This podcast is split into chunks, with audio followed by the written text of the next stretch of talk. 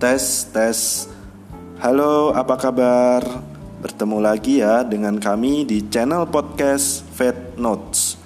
Simak podcast kami di YouTube dan juga di Spotify. Jangan lupa ya, ikuti kami terus untuk info-info seputar kesehatan hewan, terutama hewan kesayangan. Jangan sampai ketinggalan info-info dari kami karena info-info di podcast kami ini bisa jadi penting untuk rekan-rekan pet owners kalian. Oke, di konten kali ini enaknya kami mau ngomongin tentang nutrisi yang bagus dan berkualitas, maka hewan kesayangan pun menjadi sehat dan berkualitas. Nah, ada yang mendasari kami mengangkat tema ini. Ada yang tahu nggak?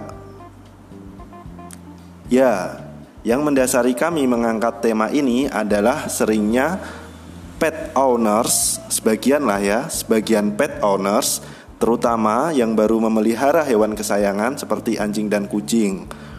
Mereka itu sering menanyakan uh, seperti ini, menanyakan mengenai loh kondisi kulit dan rambut hewan kesayangan saya yang notabene memiliki turunan ras rambut panjang dan lebat kok tidak bagus, kok tidak seperti yang lainnya. Nah, ketika kami tanyakan makanannya apa, jawaban mereka adalah eng-ing-eng, makanan yang sangat-sangat kurang berkualitas atau kualitasnya dipertanyakan, komposisi nutrisinya juga dipertanyakan, yaitu makanan atau cat food atau dog food yang sangat-sangat murah, bahkan mungkin sekilonya bisa di bawah 20 ribu. Atau mereka memberikan makanan berupa uh, misalnya untuk kucing dan mereka punya kucing yang turunan Persia mereka memberikan makanan uh, nasi dicampur tempe atau nasi dicampur ikan baik ikan rebus atau ikan goreng oke lanjut ya Oke, dalam hidupnya makhluk hidup membutuhkan makan. Semua makhluk hidup pasti membutuhkan makan. Karena hewan kesayangan termasuk makhluk hidup, maka mereka pun butuh makan. Makanan umumnya mengandung nutrisi yang terdiri dari protein, karbohidrat, lemak, serat, vitamin, dan mineral. Nah, tentunya kita eh, kita manusia dan juga hewan kesayangan memiliki kebutuhan akan nutrisi tersebut, tetapi kebutuhan nutrisinya berbeda, komposisi nutrisinya yang diperlukan berbeda. Bahkan antara kucing dan anjing juga kebutuhan nutrisinya berbeda. Oke, lanjut ya. Kita bicara mengenai nutrisi dasar uh, pada kucing dan anjing. Kucing berbeda dari anjing, baik dari genetiknya, baik dari fisiknya, baik dari organ tubuhnya. Dari nutrisinya pun pasti juga berbeda. Kucing merupakan karnivora sejati. Uh, diingat ya, kucing adalah karnivora sejati, sehingga di dalam hidupnya kucing membutuhkan protein dalam jumlah besar, atau bisa dibilang makanan utama kucing adalah protein. Sedangkan anjing adalah omnivora, sehingga anjing bisa menerima karbohidrat dari apa pun dari nasi dan tidak muncul masalah ketika mereka makan nasi. Oke, lanjut.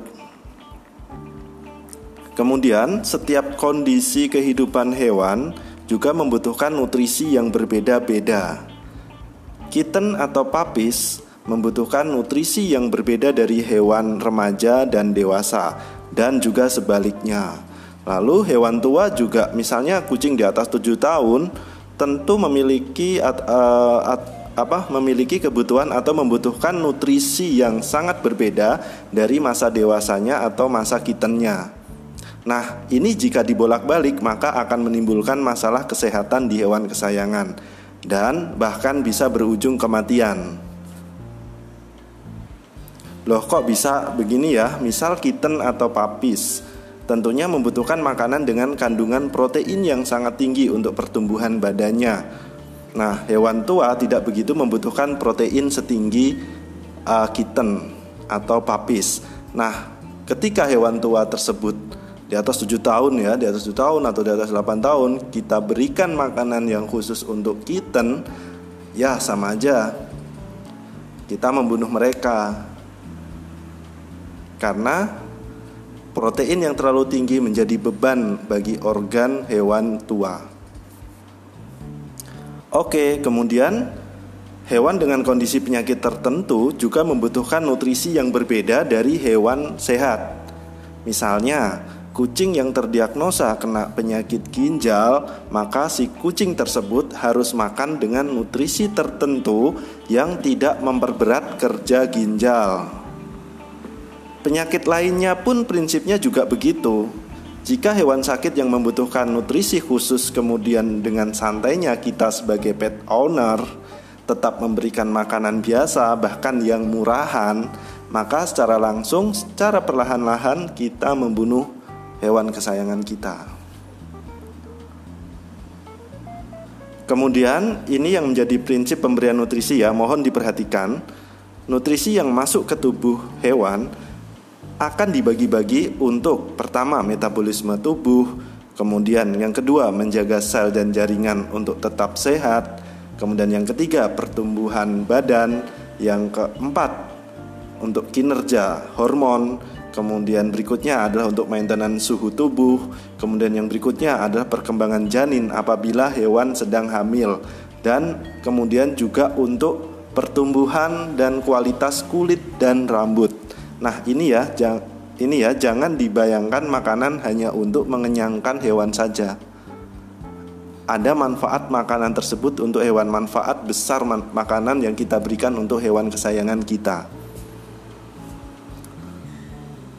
Makanan yang kita berikan ke hewan kesayangan kita akan berefek ke kualitas hewan kesayangan. Makanan yang makanan yang ala kadarnya, misalnya harga misalnya nih, langsung saja to the point yang harganya sangat murah. Di mana komposisi nutrisinya itu dipertanyakan, kualitasnya kualitasnya pun dipertanyakan. Kemudian makanan buatan sendiri, misalnya nasi plus ikan atau nasi plus tempe. Nah, maka apakah nutrisinya cukup untuk dibagi-bagi untuk misalnya untuk tadi ya untuk uh, apa untuk untuk metabolisme untuk uh, kinerja hormon kemudian untuk kulit dan rambut itu apakah cukup?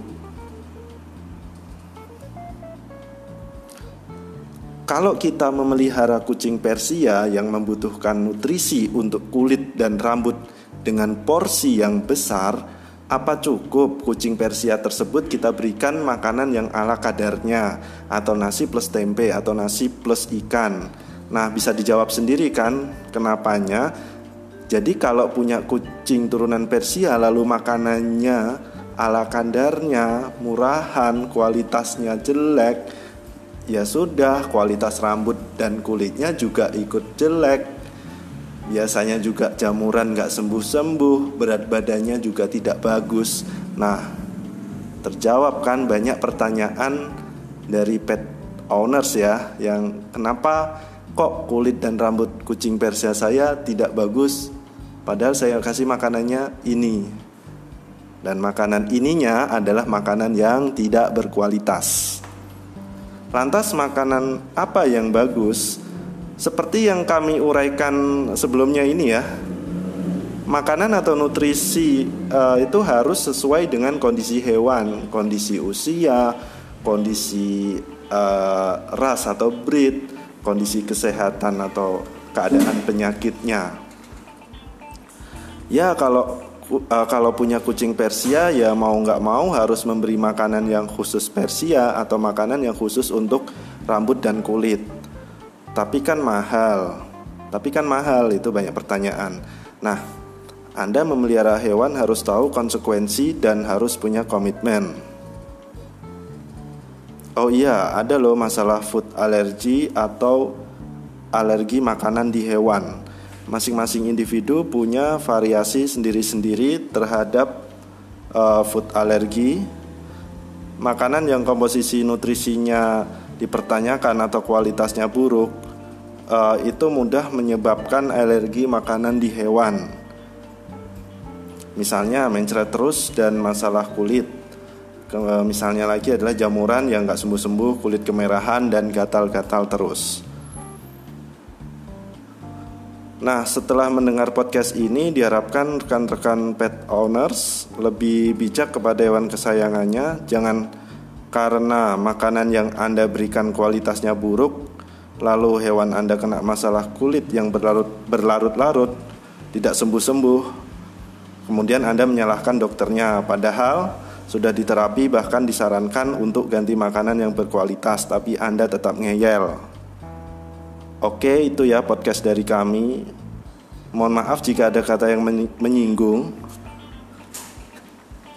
Jika agak sarkas, ya percayalah kami peduli kesehatan dan kesejahteraan hewan kesayangan Anda. Oke, sekian dan terima kasih.